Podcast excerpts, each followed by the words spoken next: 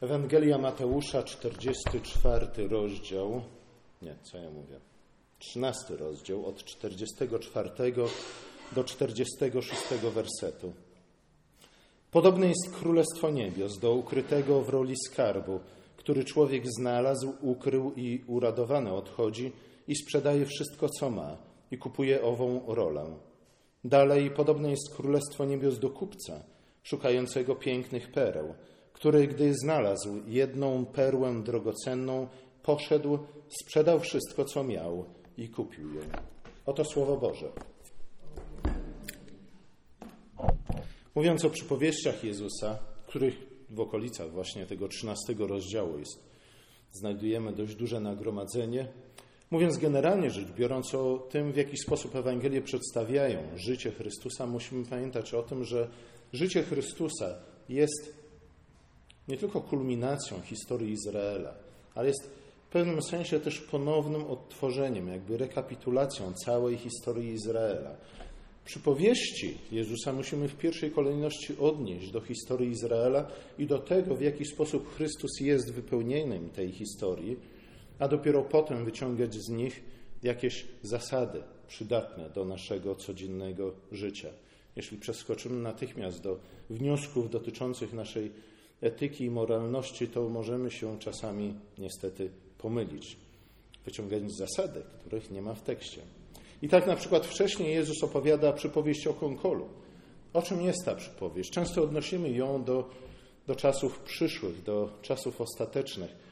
E, mówi ona o tym, że przyszedł zły po to, aby zasiać konkol między pszenicą. Ale Jezus mówi dokładnie o Izraelu w jego czasach i w czasach poprzednich, a zwłaszcza pomiędzy powrotem z niewoli babilońskiej, a właśnie czasami Jezusa. To tam, pośród diaspory izraelskiej, zły zasiadł konkol. I Chrystus jest tym, który przychodzi z kosą w ręku po to, aby rozpocząć żniwa, oddzielić pszenicę od chwastów. Słuchajcie, dokładnie o tym czytamy w Ewangeliach. Następnie Jezus mówi o nasieniu, y, o ziarnie gorczycy, która zostaje zasadzona i wyrasta w bujne drzewo, w którym ptaki wiją swoje gniazda. O czym jest tu mowa? Często odnosimy to do Kościoła, ale w pierwszej kolejności powinniśmy to odnieść do Izraela. Słuchajcie, zwłaszcza kiedy czytamy dzieje apostolskie, to widzimy, że dokądkolwiek apostołowie czy inni uczniowie by się nie udali, kogo tam spotykali, co było, jakie było pierwsze miejsce, do którego się udawali, to była zawsze synagoga, albo prawie zawsze synagoga. To oznaczało, że to właśnie drzewo gorczyczne, Izrael, który rozpierł się na całe imperium. Najpierw babilońskie, potem greckie, potem rzymskie, stał się tym imperialnym drzewem, w których gałęziach ptaki wiły swoje gniazda. W tych synagogach, czy też przy tych synagogach znajdujemy nie tylko Żydów, ale też pogan, tak zwanych pobożnych pogan, jak na przykład Korneliusz, którzy właśnie są jak te ptaki, które wiją swoje gniazda w tym drzewie, którym stał się Izrael. Jezus komentuje w swoich przypowieściach również swoją posługę. Mówi to, co ma się jeszcze wydarzyć. Mówi też o tym, na czym polega, jaki jest cel jego posługi pośród ludu Bożego. Jezus jest Izraelem, Izraelem, jest nowym Izraelem, a zatem historia Izraela koresponduje z jego biografią. I te wersety, które czytaliśmy, również w ten sposób należy odczytywać. One stanowią ostatnią część tego dnia przypowieści, kiedy Jezus właśnie po raz kolejny naucza, ale tym razem naucza w przypowieściach. I słuchajcie, już sama ta nazwa, przypowieść, powinna nam się z czymś kojarzyć. Mateusz bowiem wielokrotnie właśnie w tych rozdziałach 12, 13, 14 przyrównuje Chrystusa do kogo? Do tego, który dał nam pierwszą księgę przypowieści, czy też przysłów, a mianowicie do Salomona. Gając faryzeuszy, gdy pro, proszą go o znak, Jezus mówi, że oto przyszedł do nich ktoś większy niż Salomon. A zatem faryzeusze powinni naśladować królową Saby, która przybyła z krańców ziemi po to, aby słuchać mądrości Salomona. Ale oto do swojego ludu przyszedł ktoś większy niż Salomon, a jednak jego lud, przynajmniej znaczna część jego przywódców, choć nie tylko. Również, jak czytamy w okolicznych rozdziałach, także mieszkańcy jego rodzinnego miasta Nazaretu nie chcą go słuchać. Odrzucają mądrość, która jest mądrością większą niż mądrość Salomona. To pozwala nam zidentyfikować mniej więcej do jakiego okresu w historii Salomona Jezus odnosi te dwie przypowieści, a mianowicie o skarbie ukrytym w roli i o perle drogocennej. Słuchajcie, pamiętamy, w czasach Salomona, choć był on najmądrzejszym ze spośród wszystkich królów, to niestety nie był wystarczająco mądry, a przynajmniej nie wziął sobie do serca to, czego innych nauczał. I tak jego królestwo zostało podzielone z powodu jego własnego grzechu, ale także ze względu na głupotę i upór jego syna. I tak dziesięć północnych plemion Izraela, żyjących na północ od Judy, od, oddzieliło się od Izraela pod wodzą Jero, Jeroboama. Ta, to się zdarzyło ze względu na grzech Salomona i jego syna. Jeroboam oczywiście był złym królem, złym królem, który zrobił karierę polityczną, dając piękne obietnice. Nauczył się uprawiania polityki w Egipcie i oczywiście wiedział, w jaki sposób ludzi mamić przy pomocy różnego rodzaju religijnych tryków. I słuchajcie, Jezus co prawda nie popełnił grzechu, ale w jego czasach Izrael doświadczy czegoś podobnego, czego doświadczył w czasach, czy też w czasach Salomona i zaraz po śmierci Salomona. Jezus przychodzi jako ten, wobec którego każdy musi w jakiś sposób się ukreślić. Kto, każdy musi się jakoś do niego ustosunkować. Albo przyjmie go i zostanie jego uczniem, albo go odrzuci. I niestety stanie się jak te dziesięć pokoleń Izraela, które wybrały Jeroboama i kult złotych cielców zamiast pozostać przy domu Dawida. Jezus brzmi w tej księdze jak nowy Salomon. Mówi nawet, że jest kimś większym niż Salomon. Jest jak Salomon, który zwraca się do swojego syna. Chrystus zwraca się do Izraela i mówi, że mądrość jest cenniejsza niż wszystko inne. To jest to przesłanie, którym Salomon rozpoczyna swoją księgę przysłów. Mówi: Słuchaj, synu, zabiegaj o mądrość i kupuj mądrość za wszystko, co posiadasz. Tutaj Jezus mówi: Słuchaj, zabiegaj nie tylko o mądrość, ale zabiegaj o królestwo przy pomocy wszystkiego, co posiadasz. Ze względu na to, że królestwo jest warte wszystko co posiadasz, a nawet o wiele więcej niż wszystko, co posiadasz.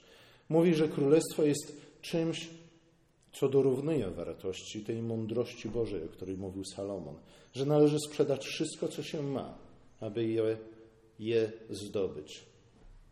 Obie te przypowieści ilustrują to, o czym Jezus mówił wcześniej już w Ewangelii Mateusza w szóstym rozdziale, w Kazaniu na Górze, gdzie mówi: Szukajcie Królestwa Bożego w pierwszej kolejności i sprawiedliwości Jego, a wszystko inne zostanie Wam dodane. To wszystko inne to jest jedzenie, picie, ubranie i różnego innego rodzaju potrzeby, o jakie zabiegamy każdego dnia. Ale Jezus mówi: Słuchajcie, poganie koncentrują się na tych rzeczach, na tych sprawach. I dlatego koniec końców zostają z niczym. Wy powinniście przestać koncentrować się na tych sprawach, na jedzeniu, na piciu, na ubraniu, na innych waszych potrzebach i skupić się na tym, co najważniejsze. Bo jeśli będziecie zabiegać to, co najważ- o to, co najważniejsze, nie tylko to posiądziecie, ale Ojciec Wasz, który jest hojny i chętnie Wam daje dobre dary, obdarzy Was wszystkim innym.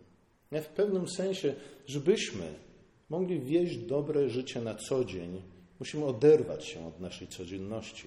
Musimy skupić się. Królestwo Boże, przynajmniej obietnica i nadzieja Królestwa Bożego powinny być jak ten punkt orientacyjny, jak ta latarnia morska, czy też inne systemy naprowadzające, nawigujące nas, zwłaszcza w ciemności. Jeśli stracimy z widoku Królestwo Boże, jeśli nie będziemy zabiegać o Królestwo w pierwszej kolejności i najbardziej ze wszystkich innych rzeczy, to wtedy pogudzimy się w naszym codziennym życiu. Jezus, Jezus mówi: Porzućcie wszystko dla królestwa. I tu zaczynamy się zastanawiać, czy, czy rzeczywiście warto jest porzucić wszystko dla królestwa. Czy na pewno warto sprzedać wszystko, co posiadamy, aby kupić tę perłę. W obu przypowieściach ludzie rezygnują z wszystkiego, co mają, po to, aby zdobyć coś, co zdecydowanie przewyższa swoją wartość wszystko, co mają. Skarby na ziemi są niszczone przez rdzę, przez mole, są zniszczalne, wymagają ciągłej ochrony, ale niebiański skarb jest o wiele lepszy. Jest wiecznie trwały, nigdy się nie niszczy, nigdy nie przemija. Jezus narzuca tutaj nie tylko wymagania, ale także daje obietnicę. Jezus nie mówi tylko pójdźcie za mną, weźcie swój krzyż, naśladujcie mnie e, ze względu na na przykład jakieś poczucie obowiązku. Nie? To była Ewangelia zniekształcona w ten właśnie sposób przez między innymi Emanuela Kanta. Ja myślał, że poczucie obowiązku załatwi wszystko, ale Jezus mówi nie. Tu nie chodzi tylko i wyłącznie o poczucie obowiązku. Macie czynić dobro i zabiegać o królestwo nie tylko dlatego, że powinniście, ale przede wszystkim dlatego, że to jest dobre dla Was samych. To jest dobre dla Waszych dusz, dla Waszego życia. Zabiegając o królestwo, zabiegacie o największe z możliwych dóbr. Nie tylko dla abstrakcyjnego świata wokół Was, ale także dla Waszego własnego życia, dla Waszej własnej duszy. Zatem dlatego ludzie reagują z radością na to żądanie, aby sprzedać wszystko i rozdać ubogim cały swój majątek. Właśnie ze względu na obietnicę, a nie tylko i wyłącznie ze względu na żądanie. Działają w podnieceniu, bo, ponieważ rzeczy ukryte są rzeczami, których od zawsze pragnęli, na które być może przypadkowo napotykają się w tym życiu, tak jak ten człowiek, który chciał kupić rolę. Albo być może, tak jak ten, który szukał perły, szukali przez całe życie tego najważniejszego, tego, tego co by w końcu nadało sens ich własnej egzystencji. Szukali przez długie lata, bezowocnie, aż w końcu znaleźli. I wtedy stwierdzili tak, w to warto zainwestować wszystko, co mam, a nawet własne życie, ponieważ jeśli to stracę, to moje życie nie będzie nic warte. Królestwo przychodzi do człowieka, tego na polu, jako skarb, nieoczekiwanie jako niespodzianka. Nie szukał, a znalazł. Podczas gdy kupiec, który szukał perły, dokładnie to robił. Szukał, szukał, szukał, aż w końcu znalazł. Skarb znajduje się na lądzie, perła znajduje się w wodzie. Czy to coś nam mówi? Najprawdopodobniej tak, ze względu na to, że w biblijnej symbolice ląd zawsze jest związany z Izraelem. Z kolei morze zawsze jest związane z poganami, z innymi narodami. Żydzi natkną się na skarb który tak naprawdę jest ukryty na widoku, nie? jakby pod latarnią. Skarb, którego nie szukają, skarb, który tak naprawdę posiadają, ale albo nie cenią, albo już zapomnieli o tym skarbie. Z kolei pogania są tymi, którzy szukają. Przez wieki, przez pokolenia całe, przez tysiąclecia szukali, szukali bezowocnie, aż w końcu go znaleźli. To trochę nam wyjaśnia, w jaki sposób powinniśmy postrzegać starożytną historię świata.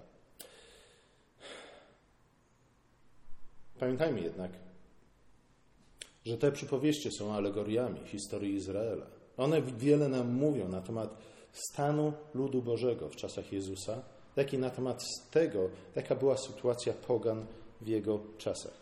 Do tego za chwilę wrócimy, ale na chwilę musimy się zastanowić nad tym człowiekiem, który znalazł skarb w polu, ukrył go i poszedł, sprzedał wszystko, aby kupić pole. Na pierwszy rzut oka jego zachowanie wygląda na niezbyt uczciwe. Zgadza się? Wiele osób, wiele komentatorów mówi: Ach, powinien jako dobry chrześcijanin pójść i powiedzieć mu: Słuchaj, e, na swoim polu masz skarb. W związku z tym to pole jest warte pewnie 157 razy więcej niż chcesz za nie teraz. Ale słuchajcie, to nie jest przypowieść tak naprawdę o sprzedawaniu i kupowaniu. To nie jest przypowieść, która wyjaśnia nam to, w jaki sposób mamy prowadzić biznes, zwłaszcza jeśli mamy jakieś stoisko na targu. E, Z drugiej strony, jeśli odniesiemy tę historię, to jest ważne, nie? Po to, żebyśmy nie wyciągnęli zbyt szybko, zbyt pochopnie jakichś etycznych wskazówek na temat tego, jak mamy postępować i zachowywać się w życiu codziennym. Te przypowieści są ilustracjami historii Izraela. I słuchajcie, sprzedawca jest odpowiedzialny za poznanie wartości tego, co sprzedaje. Nie? Jeśli oszacował wartość swojej, swojej, tego, co posiada, tego, co chce sprzedać zbyt nisko, moglibyśmy powiedzieć w pewnym sensie, e, to jego problem. Ale nie tylko i wyłącznie o to chodzi, a tak naprawdę nie o to chodzi w tej przypowieści. Nie chodzi tutaj tylko i wyłącznie o wartość królestwa, o której jest ta przypowieść. Cała domniemana, cała ta historia, cała ta, cała ta przypowieść jest ilustracją historii Izraela, a także historii królestwa. To nie jest tylko i wyłącznie przypowieść o człowieku, który przywiązuje dużą wagę do królestwa. Chodzi też o właściciela, który nie zna wartości tego, co posiada. I słuchajcie, jeśli w ten sposób spojrzymy na tę przypowieść, to zobaczymy, że to nie jest pierwsza historia tego typu, którą znajdujemy w piśmie. Mamy na przykład wcześniej Ezawa, który jest lekko duchem i lekkomyślnym człowiekiem, który w ogóle nie ceni swojego pierworództwa, który jest gotów, twierdząc, że umiera, oczywiście histeryzuje tutaj, twierdząc, że umiera, jest gotów sprzedać swoje prawo do pierworództwa za miskę zupy. A zatem jest człowiekiem, który nie ceni, nie docenia, nie zna wartości, któremu jest wszystko jedno. Obietnica się nie liczy, ze względu na to, że obietnica odnosi się do przyszłości. Nie? A on żyje tu i teraz, w dniu dzisiejszym. On się troszczy o to, żeby miał co zjeść.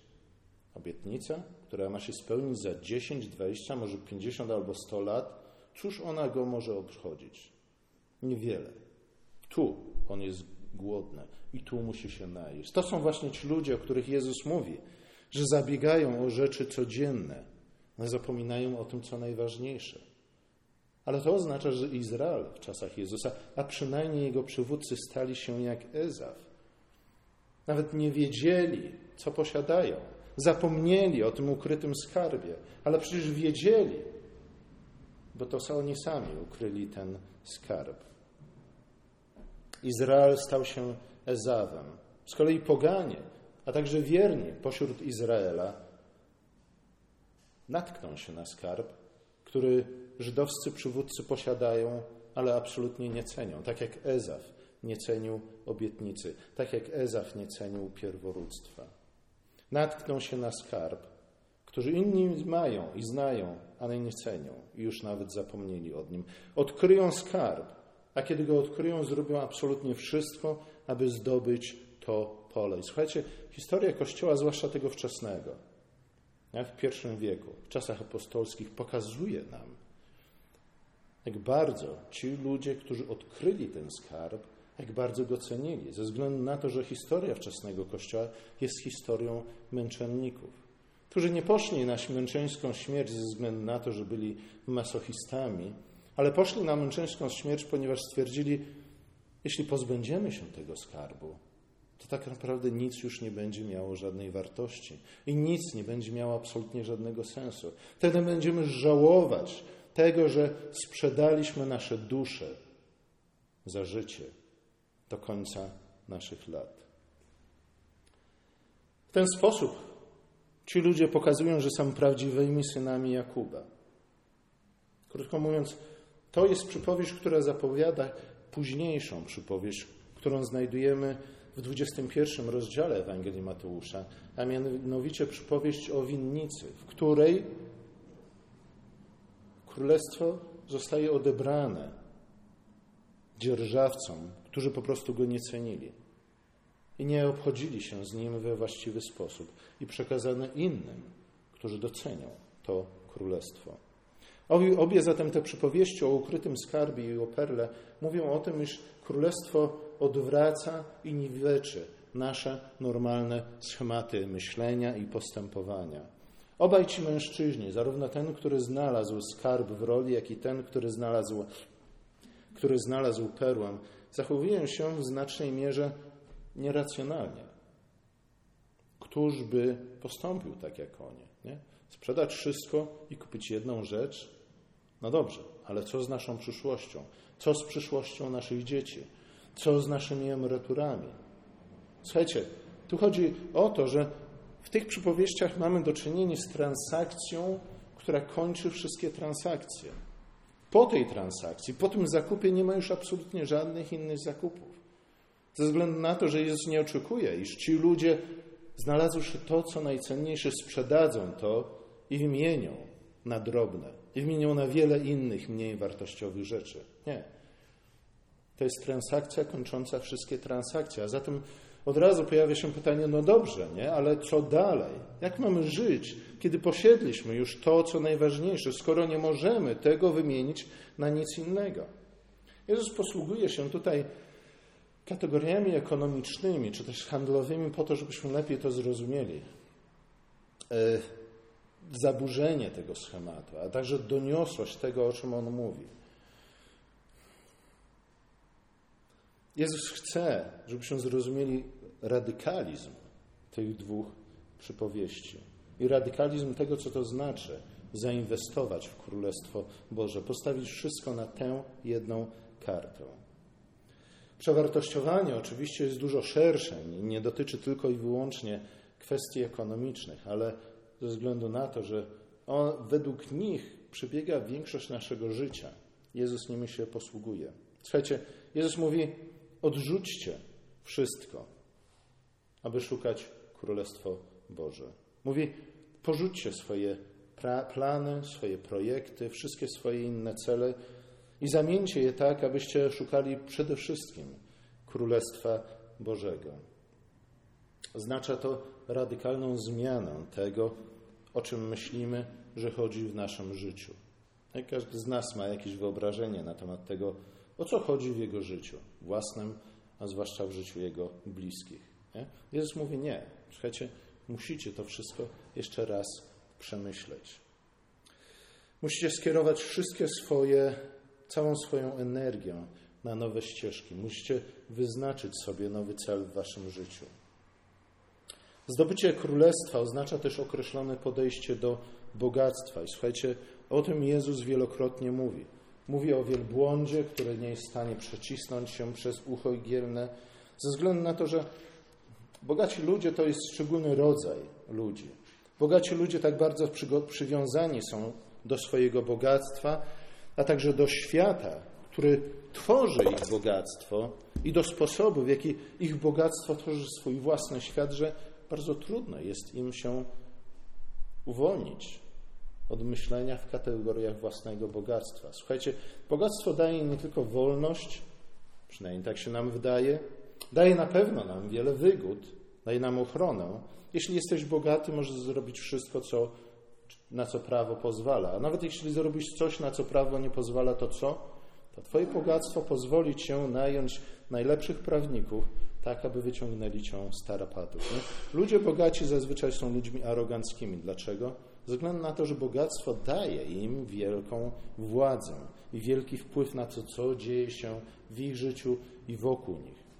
Są przede wszystkim jednak przywiązani do złudzeń, że bogactwo pozwala im kontrolować przyszłość, co oczywiście jest całkowitym kłamstwem, jak przypomina między innymi Jezus, mówiąc o tym człowieku, który miał tak udane żniwa, że zapomniał w związku, zapomniał w związku z tym o wszystko. Ale słuchajcie, tacy ludzie zazwyczaj myślą chłodno. Myślą w kategoriach właśnie szacowania kosztów i korzyści na chłodno, w bardzo racjonalny sposób. Wydaje im się, że panują nad życiem swoim i swojego otoczenia.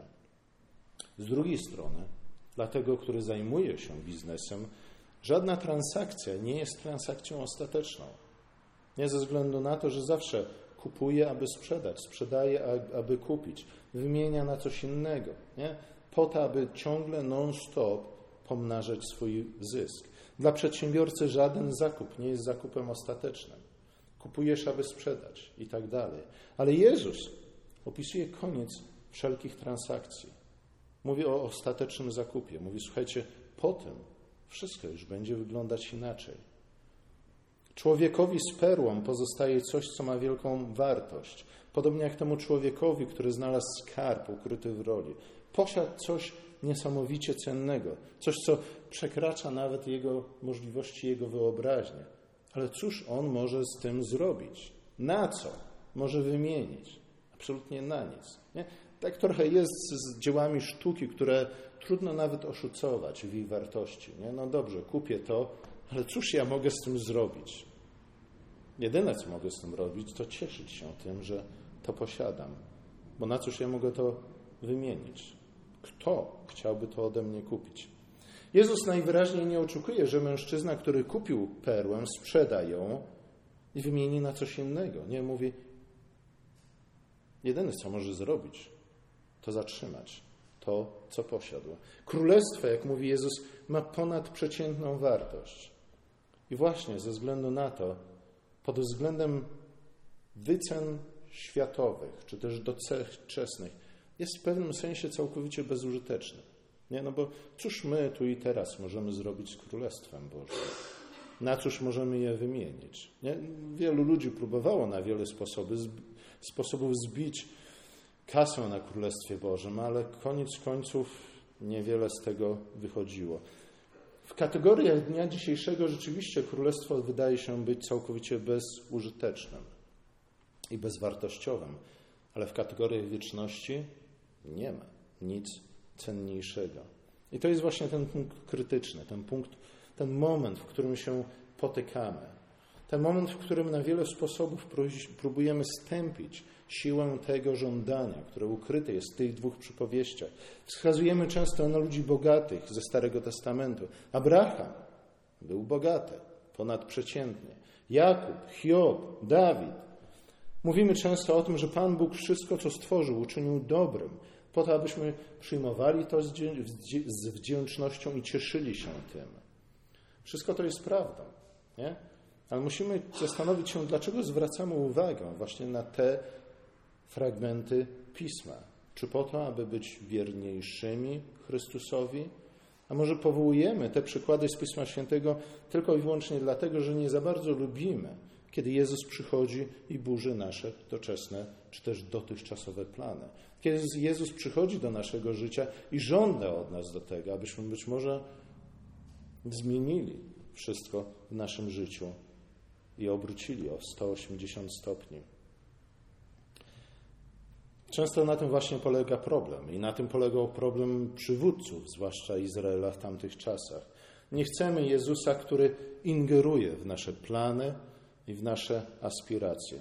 Nie chcemy Jezusa, który by burzył naszą wersją amerykańskiego snu.